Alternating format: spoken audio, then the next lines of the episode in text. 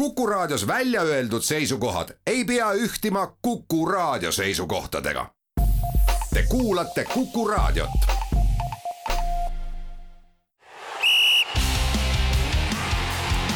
vutikohus. vutikohtul aitab pinget kruvida Pahv tere tulemast kuulama Kuku raadio jalgpallisaadet Vutikohus, mis on eetris igal neljapäeval ning mida juhivad Ott Järvela jalgpalliportaalist soccernet.ee ja Andres Vaher. meie saadet saab tavapäraselt järelkuulata Kuku raadio äpis ja podcastide keskkonnas, samuti iTunesis, Spotify's ning Postimehe spordiveebis. vutikohus võtab igal nädalal jutuks aktuaalsed jalgpalliteemad ning tähtsamad jalgpallikohtumised algab vutikohtu saja viiekümne seitsmes istung ning alustame, nagu meil ikka tavaks on möödunud nädala jooksul peetud tähtsamate jalgpallikohtumiste lahkamisega. ning teemaks number üks selles rubriigis on meistrite liiga alagrupi turniiri kuues voor, mille käigus selgusid siis kuus viimast, vabandust, neli viimast edasipääsejat kaheksandikfinaalidesse. samuti said äh, mitmes alagrupis paika see, et kes lõpetas selle esimesena, kes teisena, mis omakorda asetab siis meeskonnad ka loosikorvidesse, silmas pidades esmaspäevast kaheksandikfinaalpaaride loosimist. aga võttes kokku seda kuuendat mänguvooru, siis neli edasipääsejat olid lahtised kahe osas läks põnevaks, isegi väga põnevaks niimoodi, et kõik oli viimase sekundini lahtine ja kahe osas ei läinud üldse põnevaks ja et siis äh, meil oli täiesti lahti äh, kõikide kohtade osas Äh, alagrupp äh, nimesid, numbreid, tähti ma isegi peast ei tea, see polegi oluline, aga ühesõnaga see alagrupp. D, D, D, just nagu Dora, äh, mis siis leidis oma lahenduse teisipäeva õhtul ja, ja, ja pakkus ikkagi selliseid päris põnevaid pöördkäike ka, ka nende mängude sees, eelkõige siis kohtumine Äh, äh, ma noh, tegelikult mõlemad kohtumised, aga siis, et, et alustada äh, lõpust, siis, siis Tottenham võitis kaks-üks võõrsil Marseille'd ja samamoodi Frankfurdi Eintracht, Euroopa liiga tiitlikaitsja võõrsil kaks-üks Lissaboni Sportingut, nii et nemad kahekesi siis ka edasi läksid Tottenham alagrupi võitjana, Eintracht teisena. Äh, Sporting peab piirduma Euroopa liigaga ja Marseille, kes äh, veel siis esimese poole ja lõpus kodus Tottenhami vastu üks-null juhtis, äh, euroteekond on lõppenud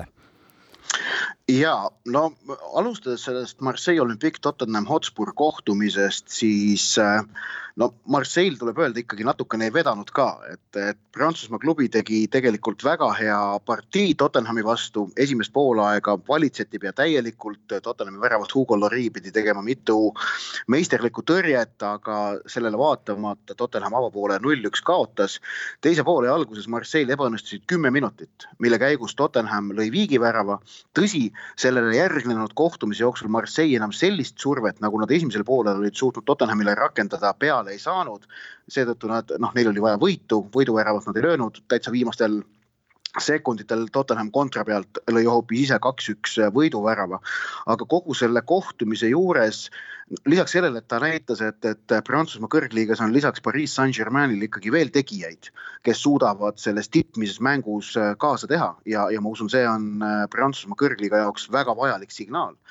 aga, aga kogu selle matši vast selline ikkagi noh, peamine saatja või, või selline kaasnähe oli see võimas atmosfäär, mis Stade Velodromil äh, valitses Marseille ja, ja ülejäänud Prantsusmaa kõrgliiga klubidel, kui nad ei ole Pariis Saint-Germain, ei õnnestu tegelikult eriti rambivalgusesse pääseda. aga nüüd põhjusel, et see oli teisipäeva õhtu peamine matš, nad pääsesid ja minu meelest see oli Prantsusmaa klubi jalgpallile ka päris hea reklaam ja no Marseille Olympique oli ju üheksakümnendatel ikka Euroopa väga suur suurklubi, aga siis äh, klubi äh, bossi Bernard Tapiga algasid erinevad äh, jamad ja, ja seejärel on ikkagi järgnevad kümnendid on Marseille sellest tippmisest mängust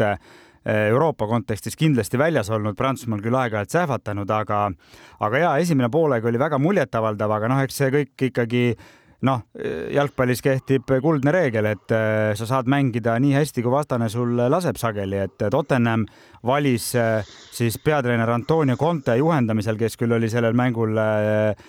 tribüünil pealtvaataja osas, valis hästi konservatiivse ja sellise passiivse taktika ja, ja see ei õigustanud ja see, see oli midagi sarnast, nagu oli Inglise liiga Eh, mõne vooru tagasi, eh, tagasi mängus Arsenaliga, kus ka ikkagi lõpuks kindlalt kaotati. aga noh, nii palju siiski Marseille andis neile hingamisruumi, et teiseks pooleks Tottenham tuli ikkagi uue teo ja näoga ja, ja, ja suutis,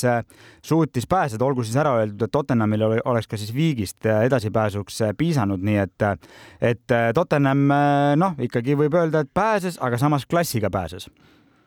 ja sellega tuleb kahtlemata nõus olla. aga teine sama alagrupi kohtumine toimus Lissabonis ja seal oli vaja kodumeeskonnal Sportingul viiki, et edasi pääseda, aga nad ei saanud seda, vaid kaotasid Frankfurti Eintrachtile eduseisust üks-kaks, mis tähendab, et mullune Euroopa liiga tšempion Eintracht tegi meistrite liigas äh,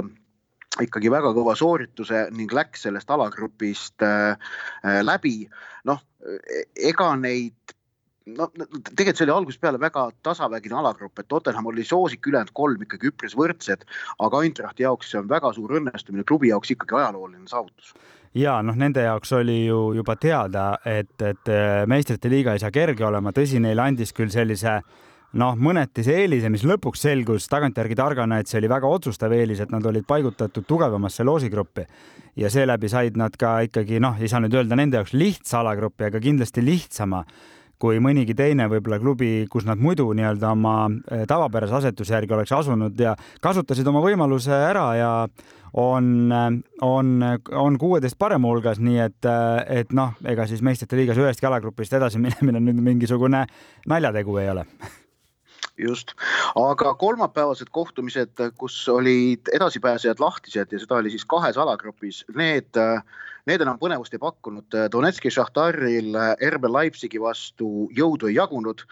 Poolas peetud kohtumise Saksamaa klubi võitis neli-null ning nemad siis tollest alagrupist teise koha omanikena selgelt äh, edasi läksid. tõsi, Šahtari eurohooaeg jätkub Euroopa liigas, mis oleme ausad, neile on hetkel selgelt jõukohasem, ega neil meistrite liiga kaheksandikfinaalis veebruaris oleks olnud väga keeruline midagi teha, arvestades, et äh, kõiki muid raskusi niikuinii, mis on seotud praegu Ukraina klubi jalgpalliga, aga neil oleks tulnud ju veebruaris tulla ka veel mitte hooaja pealt, vaid talve, talvepuhkuse pealt. AC Milan Salzburg mängus, äh, seal ikkagi Salzburg, kes alustas alagrupi turniiri ühe võidu kolme viigiga, kaks kaotust kahes viimases mängus jätsid Salzburgi kolmandaks Milanile, jäid nad võõrsil null-neli alla. ja ehk et need mõlemad otsustavad mängud siis eile lõppesid skooriga null-neli ja ühes paaris siis äh, äh, siis punapullide süsteemiklubi läks edasi. Leipzigi puhul, olgu kindlasti ära mainitud, et nemad alustasid äh, alagrupi turniiri kahe kaotusega. Ja järgnes sinna treeneri vahetus, Marko Roose on nüüd saanud pundi hästi mängima edasipääs, aga siis see, nii-öelda Red Bulli süsteemi teine klubi, Salzburg, kes nagu Ott juba mainis, alustas hästi, lõpuni siiski päris Äh, välja ei vedanud ja Milan kodus ikkagi äh, äh, noh, ka jõuga, jõuga võttis oma, Salzburg oleks pidanud selle mängu võitma, et edasi saada, nii et, et nendes mängudes tegelikult põnevaks ei läinud ja aga meistrite liigas noh, mängiti muidugi kohtumisi veel ja mitmes alagrupis panid nad paika selle, kes pääseb edasi esimesena, kes teisena ähm,. Liverpool oleks vajanud kodus Napoli vastu neljaväravalist võitu, seda nad ei saanud, nad said küll kaks-null võidu, mis ma usun, neid turgutab turgutab kõvasti, arvestades kõiki neid probleeme, mis Liverpooli on vaevanud. Napolit õigustatult on ju nimetatud siin vaata et Euroopa hetkel number üks vormis olevaks, olevaks meeskonnaks. Liverpool neist kaks-null võitis, neid kaks-null võitis, aga Napolile alagrupi võit. Porto läheb alagrupi võitjana edasi, noh Müncheni Bayernil, Müncheni Bayern niikuinii äh,. aga, aga oluline oli ka see, et Lissaboni Benfica suutis äh, võita Haifa Maccabit kuus-üks. nii nemad kui ka Pariis Saint-Germain Hush alagrupi lõpetasid võrdsete punktidega, täiesti võrdse väravate vahega, kuusteist-seitse ning ka omavahelised mängud olid täpselt viigis kaks-kaks ning Benfica võitis selle alagrupi tänu sellele, et nad olid löönud võõrsil kõigi alagrupi mängude peale kokku rohkem võõrsil väravaid kui Pariis Saint-Germain, mis aga tähendab ju seda, et kõigil seitsmel ülejäänud alagrupi võitjal on nüüd vaja väriseda, et neile Pariis Saint-Germaini kaheksandikfinaalis vastu ei loosita. ja no esiteks selline, selline nii-öelda viigilahutaja on ikkagi, ikkagi päris, päris harvanähtav,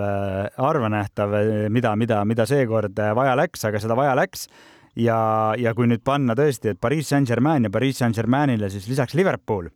kes hea küll, see hooaeg on selline üles-alla meeskond, aga on siiski Liverpool, et, et samamoodi salagrupis teine koht Napoli järel. Ehk et siis alagrupi võitjad, loeme need ette, on siis Napoli, Porto, Müncheni Bayern, Tottenham, Chelsea, Madridi Real,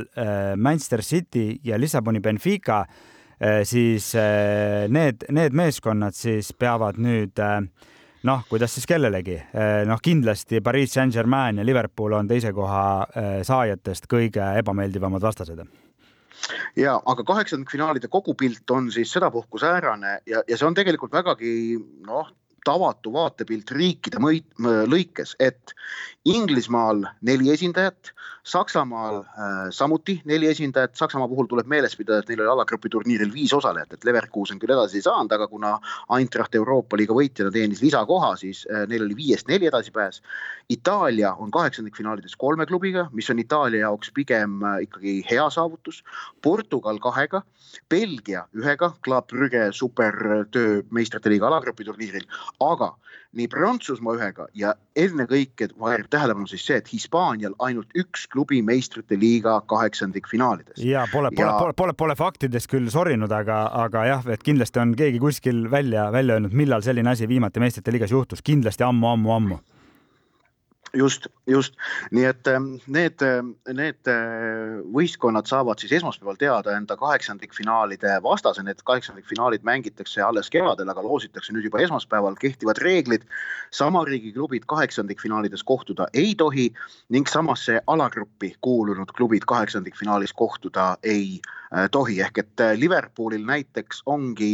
neli võimalikku vastast kaheksandikfinaalides, nad on teise koha omanik, ühegi Inglismaa klubiga nad kohtuda ei tohi, oma alagrupi võitja Napoliga kohtuda ei tohi mis tähendab, et nende variandid on Lissaboni Benfica, FC Porto, Müncheni Bayern, Madridi Real no,. ehk väike... et kas emb-kumb Portugali klubidest või Bayern või Real. on väike vahe no väikene vahe on ja väike. väikene vahe on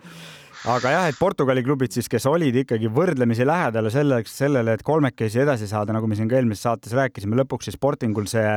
ei õnnestunud, aga nagu me oleme jälginud, siis vii, suure viie riigi väliste klubide tegemisi eraldi tähelepanuga, siis äh, lõpuks sealt kolm meeskonda äh, ehk siis Club Brügge esmakordselt ja kaks Portugali klubi, Porto ja Benfica edasi said ja see on tegelikult päris korralik äh, õnnestumisprotsent. Just, toimunuid, peeti tähtsaid jalgpallikohtumisi ka mujal Euroopas peale meistrite liiga ning liigume juttudega Inglismaale, kus kõik suure kuuiku klubid käisid muidugi väljakul, omavahelisi mänge möödunud nädalavahetusel see, see kuuik ei pidanud, aga põgusalt igast mängust rääkides rääkida, et siis Londoni Arsenal alistas või purustas Nottingham Foresti viis-null. Ähm, Eesti ja, ja tagas, kindlustas sellega endal liidrikohta või säilitas liidrikoha. Äh, Eesti jalgpallisõprade jaoks on seal huvitav nüanss nüüd see, et äh, Arsenali teine väravaht Matt Turner, ameeriklane, on praegu vigastatud ja see tähendab, et Karl-Jakob Hein oli Foresti vastu pingil äh, Aaron Ramsdale'i vahetusmehena ning järgmisel nädalal toimub Inglismaa liigakarikasarja kohtumine, see on tähtsuselt teine karik karikasari, kus Arsenal, tõsi küll, kohtub Brightoni teise kõrgliiga klubiga, aga see liiga karikasarja kohtumine võib olla teatud asjaolude kokkulangemisel koht, kus äkki antakse Heinale võimalus Arsenali esindusmeeskonna eest debüüt teha. ja eks seal on muidugi kuisid omajagu, noh, et, et kas ikkagi kuisid, kuisid on palju, tõenäosus on ikkagi pigem väike, ma arvan, aga see on, see on kahtlemata võimalus. kui Inglise liiga mängudest veel rääkida, siis nii-öelda favoriitidest võtsid võtsid võidud sarnaselt Arsenalile ka neid tabelis jälitavad meeskonnad ehk et Manchester City alistas Leicesteri, Tottenham sai väga raske võidu kaks-null kaotusseisust eh, kolm-kaks Bournemouthi üle ja Newcastle United jätkab võimsas hoos, alistasid neli-null eh, Aston Villa, Manchester United ka võitis West Hami, aga siis, mis kõige enam vast kõneainet pakkusid, oli olid nii äh, Liverpooli kaotus, teine järjestikune kaotus Leedsile ehk et Liverpool kaotas nüüd tabeli kahele viimasele meeskonnale äh, järjepanu ja samamoodi Londoni Chelsea üks-neli kaotus Brightonile. Sellest Liverpooli allajäämisest alustades, siis äh, Liverpooli probleemid seni olid ennekõike seotud võõrsil mängudega, aga nüüd saadi kodus Anfieldil Leedsi käest üks-kaks tappa ja kaheteistkümne mängu järel Liverpoolil tabelis neli võitu, neli viiki, neli kaotust, see on kümnenda koha kurss, mitte esineliku kurss, ehk et selleks, et esinelikusse mahtuda, Liverpool peab oma, peab oma esitusi ikkagi tunduvalt parandama. sellise, ütleme tavapärase esineliku rütmi taastamisest praegu neile enam ei piisa, sellepärast et nad on juba niivõrd palju punkte kaotanud, ehk et nad peavad edasise hooaja mängima sellises ikkagi väga selgelt äh, säravas rütmis, et jõuda hooaja kokkuvõttes esinelikusse. kuna siin ka see, see konkurents sinna pääsemiseks on kõva, sellepärast et see, et need ülejäänud esikuuiku meeskonnad pluss ka Newcastle noh pigem on nad kõik ennast ikkagi saanud stabiilsesse hoogu, jah, tõsi, Chelsea nüüd kaotas, aga pigem need ülejäänud suured ikkagi on ennast enam-vähem käima saanud ja tõesti, Chelsea kaotas ja mitte lihtsalt ei kaotanud, aga, aga ikkagi nende jaoks väga erilises kohtumises just seetõttu, et Chelsea nüüd uus peatreener Graham Potter läks tagasi koju, läks tagasi Brightoni eh, kodustaadionile. Brighton pani sealt kiiresti asjad paika, poolajaks oli seis kolm-null, seejuures Chelsea'l kaks omaväravat. sellega oli mäng tehtud ja neli-üks kaotus tõepoolest ja, ja kindlasti nii Brightonile kui siis Potteri asemel Äh, Potteri asemel Brightoni peatreeneri toolile tulnud äh, Roberto De Zerbile väga-väga tähtis ja magus võit ja kusjuures Brighton oli siis enne Chelsea'ga kohtumist viis mängu järjest olnud Premier League'is võiduta, kaks viiki, kolm kaotust neil selle aja sisse mahtus. Äh, et neil oli küll väga hea hooaja algus, äh, pärast peatreeneri vahetust arusaadavalt mingi rütmikadu tekkis. Ähm, ja, ja nüüd siis saadi sellest üle just nimelt sel, sel hetkel, kui eelmine peatreener Graham Potter neile külla tuli, et jalgpall pakub sääraseid äh, omapäraseid kokkusattumusi ja, ja noh, tuleb tõdeda, et see on ikkagi selline pigem kaunis seik, tõsi, mitte Chelsea toetajate jaoks, aga, aga noh, et säärane ninanips äh, jalgpalli poolt pakuti, siis see on nagu tore. ma korraks tuleks tagasi selle Tottenhami kolm-kaks võidule. Tottenhamil möödunud nädala jooksul kaks võitu, mõlemad kaotusseisudest, kas see näitab meeskonna tugevust või tegelikult ikkagi haavatavust? no küllap, küllap ikkagi mõlemat, aga kui arvestada, et liigas oli ju Tottenham kaks eelmist mängu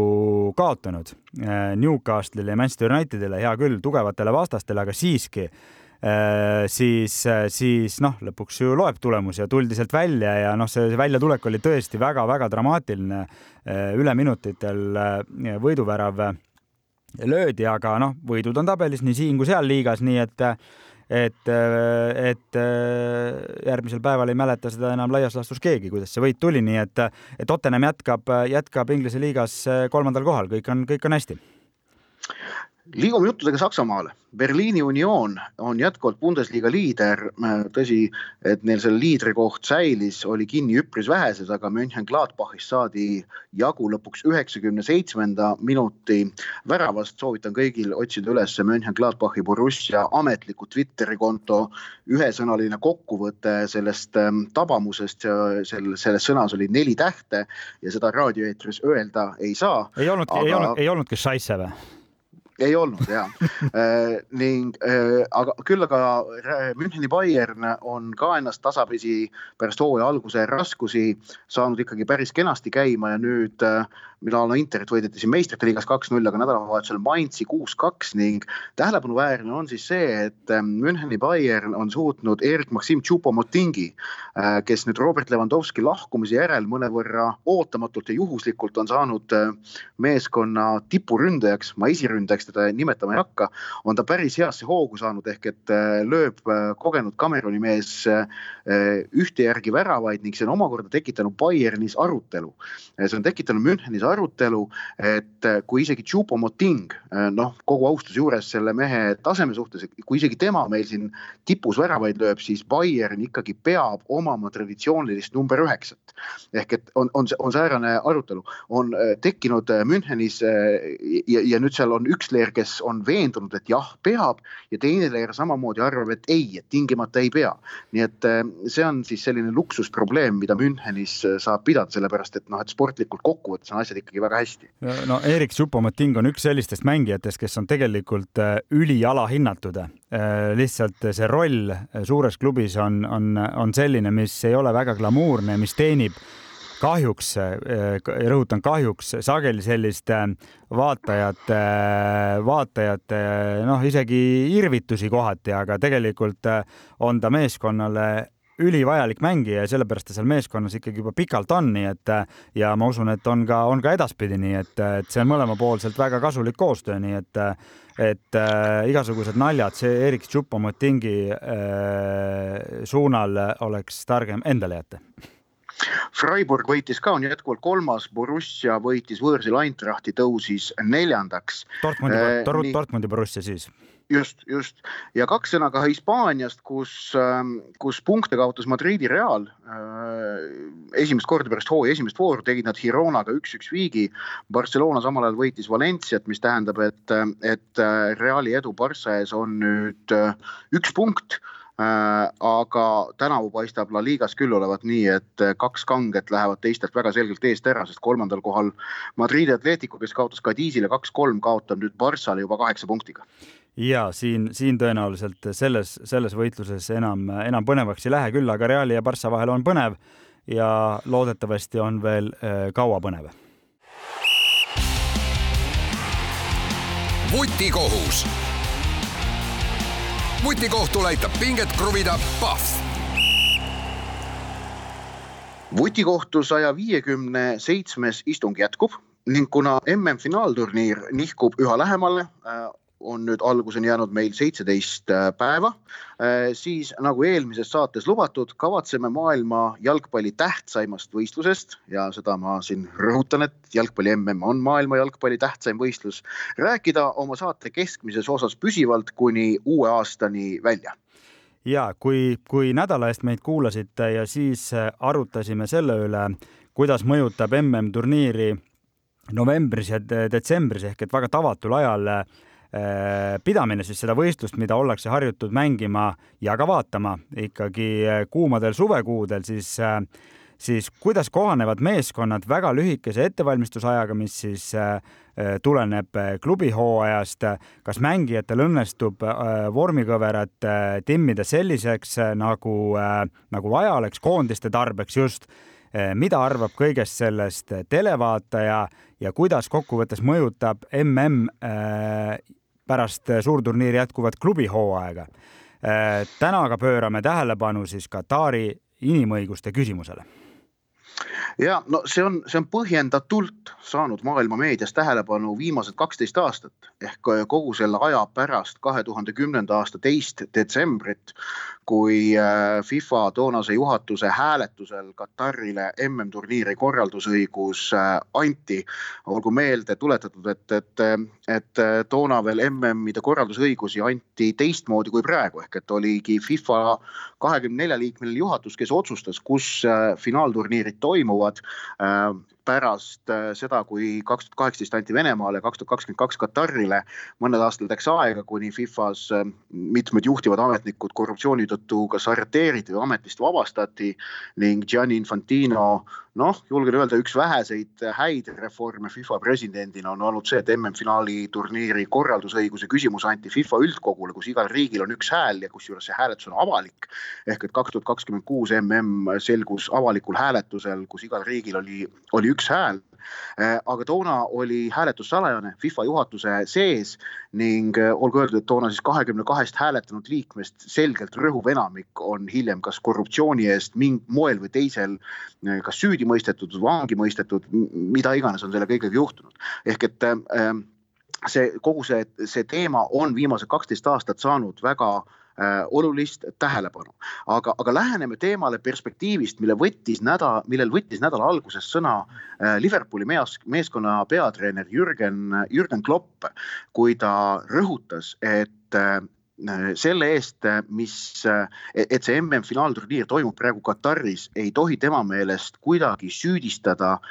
praeguseid mängijaid ega, ega ei tohi ka tema meelest mängijatelt nõuda, et nad peaksid sel teemal äh, Äh, üldse midagi arvama, et nad võivad, aga, aga nad ei, nad ei pea. ehk Kloppi tsitaat oli, äh, mm, et äh, turniir on Kataris, mängijad lähevad sinna jalgpalli mängima. otsuse, et see turniir Kataris toimub, tegid teised inimesed ja kui kedagi kritiseerida, siis tuleb kritiseerida selle otsuse tegijaid. mitte aga spordiala tervikuna, mitte võistlust ennast ja kindlasti mitte ka mängijaid ja, ja siis, siis ta lisas veel sinna juurde, et, et ei saa mitte kellegi ootus, noh, rääkimata nõu-, nõue olla see, et mängijad lähevad sinna ja teevad seal mingeid poliitilisi äh, avaldusi või noh, või mis iganes seisukohavõtte, et et no ja kui seda Kloppi, Kloppi arvamust äh, kommenteerida, siis no vähemalt mina no siin nagu kahe käega nõus ja, ja poolt äh, ja noh, isegi tundub natukene ausalt öeldes selline veider ja kummaline, et et, et, et sarnane diskussioon on praegu üldse püsti pandud, et, ähm, et arvestades isegi tegelikult selle probleemi tõsidust ja väga suurt tõsidust, mis ei ole kindlasti probleemina kuidagimoodi noh, võimendatud või kontekstist välja rebitud, aga noh, mängijad, kes küll tõesti on MM-turniiri siis peategelased, aga nad on peategelased siiski ainult ühes kontekstis, jalgpalli mängimise kontekstis ja kõik muu, mis on äh, selle kõrval, on nende jaoks äh, kas siis äh, vähetähtis või täiesti tähtsusetu, sealhulgas inimõiguste küsimus Kataris ja samas seda nüüd ei tohi segi ajada sellega, et kui mängijad tahavad, siis neil kahtlemata peab olema õigus äh, sel teemal sõna võtta ja me näeme, et paljud mängijad on sel teemal sõna võtnud, see on üldse ka kaasaja tippspordi märk, et maailma tippsportlased ja mitte ainult jalgpallis, aga kindlasti ka jalgpallis on viimase noh,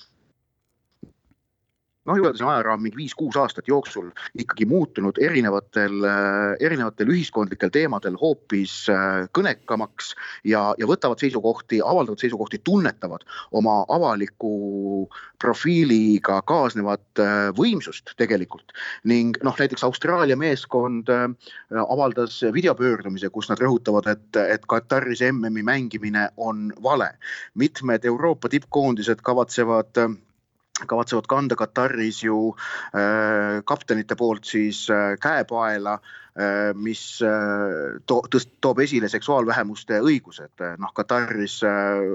on, on homoseksuaalsus kriminaalkuritegu näiteks ja, ja, ja noh, neid, neid näiteid on, on tegelikult veel ja veel, et selle kõige jaoks peab mängijatel olema õigus. nüüd, nüüd samas on see, et mida neilt nõuda saab, siis äh, siis eh, eh, jah, et, et kust läheb see piir, millal saab ka mängijate käest midagi ja sportlaste käest midagi nõuda, et noh, näiteks eh, näiteks, näiteks Ukraina sõja puhul või noh, Ukrainas peetava sõja puhul on, on selgelt juba hakatud mõnede sportlaste käest küsima ka selget seisukoha võtmist, aga, aga noh, see inimõigused Kataris, seal see piir niivõrd käes veel ei ole. ja noh, võib-olla on ka meil, kes me oleme siin noh, sellele sõja, sõjategevusele ja sellega seonduval, seonduvale oluliselt äh, lähemal ja see puudutab meid palju lähemalt kui inimõiguste küsimus Kataris. noh, paratamatult see on, see on noh, kahjuks või õnneks loomulik, et me, et me hindame neid küsimusi noh, erinevalt ja, ja seda tuleb muidugi arvestada, et noh, tegelikult inimõiguste küsimus Kataris, mis on läinud, mis on olnud äh, läbi noh, ikkagi väga pika aja, äh, ei hakka siin mingit täpset aastanumbrit ütlema, sest seda ei ole võimalik teha, aga läbi pika aja äh, suur probleem ja sellise turniiri puhul nagu nagu jalgpalli mm finaalturniir, mis on, äh, mis on ikkagi noh, väga-väga suur spordivõistlus ja, ja sündmus üleüldse, siis maailma kõige suurem. Maailma kõige suurem spordivõistlus ja tähtsam, kõige, kõige tähtsam spordivõistlus. jah, no lihtsalt andsin, tahtsin anda veel sellist mõõdet, et, et noh, isegi tegelikult ta väljub tähtsuse mõttes nagu spordivõistluse nagu raamidest, kui, kui panna see rohkem sellisesse noh, geopoliitilisemasse pilti, et, et me ei hooma, me ei hooma ju tegelikult seda, mida see kõik, mida see kõik seal kohapeal tähendab, isegi need inimesed, kes on neid artikleid välismeediast lugenud ikkagi seda pilti ette ei saagi saada, nii et, et sellepärast ka, sellepärast ka ikkagi ja loomulikult nõus, et, et olgu nad siis mängijad või treenerid või kes iganes meeskondade liikmed, kes tahavad seisukohta võtta, no usutavasti on siis need seisukohavõtud ka sellised eh, põhjendatud ja läbimõeldud, mitte lihtsalt mingi vooluga kaasa jooksmine, seda, seda nagu mina sooviks, aga, aga jah, et põhi, põhi, põhisoov ikkagi see, et et, et MM-finaalturniiride aegsed mingid pressikonverentsid või asjad ei muutuks selliseks tüütuseks, et pidevalt selle asja kohta küsitakse. alguses ma arvan, et seda siiski tuleb no seal ma arvan, et, et need mängijad, kes tahavad ja need võistkonnad, kes tahavad, võtavad sel teemal ise proaktiivselt äh, sõna. aga samas tõesti, et neil, neil ei saa olla kohustust sel teemal, äh, sel, sel teemal äh, küsimustele vastata, et see on, see on ka jällegi noh, teistpidi aus. et noh, mängijate jaoks tuletan meelde, MM-finaalturniir on ikkagi karjääris ainulaadne sündmus. enamik jalgpallureid, kel õnnestub MM-il mängida, saavadki seal mängida ainult korra ehk et eh, enamik jalgpallureid, kes MM-il mängivad, teist korda sinna ei jõua, see on puhtalt nagu statistiline lähenemine ja, ja noh, numbrid seda kinnitavad. Eh, nendel, kellel läheb hästi, need mängivad MM-il kaks korda, neid, kes mängivad kolm korda MM-il, neid on väga vähe. noh, et Cristiano Ronaldot ja Lionel Messit näiteks ootab ees nende viies MM-finaalturniir. Mehhiko koondise väravahti Guillermo Ochoat vist äkki kuues isegi või, või ma võin ka eksida, aga noh, noh, tal on ka näiteks, no on neid mängijaid, neid on väga vähe nad on erandid. ehk et see MM-finaalturniir iga mängija jaoks, kes seal on, on karjääri noh, üks tähtsamaid, sageli kõige tähtsam sündmus ja, ja nad on kakskümmend aastat enamik või natukene rohkem selle nimel tööd teinud, et seal, et seal osaleda. nii et nemad lähevad sinna ikkagi ennekõike sporti tegema. Need mängijad, kes võtavad et, et, ette veel ka teised küsimused ja leiavad endast jõudu nende teiste küsimustega tegeleda, seda tuleb muidugi ainult äh, kiita ja tunnustada. et, et aga, aga noh, kui me vaatame ka seda laiemat pilti, kes sel teemal sõna võtavad, siis ikkagi Lääne-Euroopa, Austraalia, äh, Ameerika Ühendriigid, äh, Aafrika või Aasia koondised sel teemal midagi sõna pole võtnud, Lõuna-Ameerika samuti mitte. ja no ma olen võrdlemisi kindel, et noh, nii, nii, nii Euroopa koondised kui ka noh, kui ka siis noh, või sõnastame siis niipidi, mitte Aafrika ja tõenäoliselt Aasia ja Lõuna-Ameerika koondistes kõik sellised ehm, ka suhtlustavad, nõuded ja reeglid pannakse MM-finaalturniiriks väga täpselt paika, mis puudutab ka no erinevate noh, sotsiaalmeediakontode haldamist, kasutamist ja, ja võib, võib olla täiesti kindel, et muuhulgas ka see inimõiguste küsimus Eh, meeskonna siis vastavate persoonide poolt eh, koondislastega räägitakse aegsasti ja põhjalikult läbi ja seda, sellega, selle, see, see, sellega tuleb kindlasti noh, nii see, nii see kindlasti on, aga, aga noh, see, et, et eh, teemat võtavad üles ikkagi ainult Euroopa koondised ja riigid, eks see, eks see noh, kuidas öelda, näitab ka äh, Äh, väga otseselt seda, millised teemad on vastavates ühiskondades kesksel kohal, ehk et see jalgpalli MM-finaalturniir sellest rakursist vaadatuna on, on ka selline ühiskondlik peegel kõikide nende riikide jaoks, kes seal osalevad. Ja ma ei ütle seda üldse etteheitena, vaid, vaid sellise vaatleva märkusena ja noh, ja mitte ainult Euroopa, nagu sa ka ise mainisid, ka on, on neid üksikuid riike veel, noh, suured riigid, Austraalia, USA, võib-olla keegi veel, aga, aga jah, et, et ilmselgelt on see, on sellel põhjused, miks nendel ei võta sõna noh, ülejäänud mandrite, ülejäänud mandrite mängijad ja, ja tõenäoliselt tõena- ja mitte ainult mängijad ja tõenäoliselt see noh, pigem nii ka jääb. paneme panuseid. vutikohtu istung jätkub kolmanda veerandajaga. meil saatekavas muutusi vahepeal toimunud ei ole, tavapäraselt selleks siis pahv.ee pakutavad eh, jalgpallimängude koefitsiendid ja lähme siis eh, tavapärase saatekavaga tavapärases rütmis. Ehk et Ott, sinu kolm pakkumist esmalt ja no minu omad puudutavad ainult äh, Premier League'i sedapuhku ja, ja võtsin kõik kohtumised pühapäevast, mil Premier League'is tõesti mitu maiuspala on äh, tulemas. Äh, esmalt mängivad Chelsea ja Arsenal. Chelsea läheb siis kohtumisele vastu selle Brightonilt saadud üks-neli kaotuse pealt. noh jah, meistrite liigas oli veidikene parem tulemus, aga ma usun, see Brightoni mäng on neil ennekõike meeles. Arsenal meistrivõistluste liidrina, et Arsenal selle mängu võõral väljakul võidab koefitsient kaks koma seitse seitse ja, ja mul noh, ega siin ratsionaalset põhjust peale selle ei ole, et mul nagu hetkel on Arsenali usku, et neil on hea hoog sees ja no Arsenal siiamaani on siis mänginud sellist noh, nõndanimetatud suurtest klubidest, siis kui ma nüüd ei eksi, kolmega on võitnud Liverpooli ja Tottenhami ja kaotanud Manchester Unitedile. Eh, kui ma nüüd kedagi ära ei unustanud. Eh, ehk et ehm,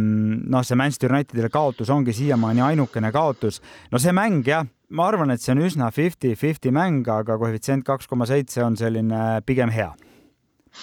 teiseks Tottenham võõrustab Liverpooli, see mäng samamoodi pühapäeval ning äh, mul ei ole usku sellesse, et Liverpool Premier League'is suudab, äh, suudab naasta võitude teele, et mäng lõpeb Tottenhami võidu või viigiga koefitsient üks koma seitse. vähe. no Tottenham mängib kodus. vähe kolmandaks, Aston Villa võõrustab Manchester Unitedit ning äh, selles mängus Man Unitedi võidu koefitsient võõral väljakul kaks koma null seitse. vot see on küll äh, see, kui eelmise kohta ütlesin vähe, siis siin ma ütlesin palju, ütlen palju siis, et Aston Villa on ikka viimasel ajal noh väga,, väga-väga joo-joo, et, et ja Manchester United pigem hea hoo ikkagi üles saanud, nii et see on hea koefitsient. nii, mis sul pakkuda? Äh, mul siis pakkuda vastu esmalt üks kohtumine täna õhtul Euroopa liigast, äh, kus Hispaanias lähevad sellised meeskonnad nagu Real Betis ja Helsingi jalgpalliklubi vastamisi. seal alagrupis on kõik äh, suhteliselt selge, Betis on edasi, HOIK ei ole edasi ja selge, Betis kodus on väga tugev meeskond, aga suhteliselt pingevaba mäng. HOIK äh, lööb värava, vähemalt ühe, kaks koma üks ja see on, tundub küll natukene palju ausalt öelda tõesti. ja, ja siis on pühapäevast kaks äh, kohtumist, kõigepealt siis äh, äh, kodumaises premium-liigas väga oluline mäng pronksi saatuse kujunemisel ehk et Paide linnameeskond Nõmme Kalju arvan, et tuleb selline ettevaatlik ja hillitsetud kohtumine, alla kahe ja poole värava, kaks koma null seitse. no selle,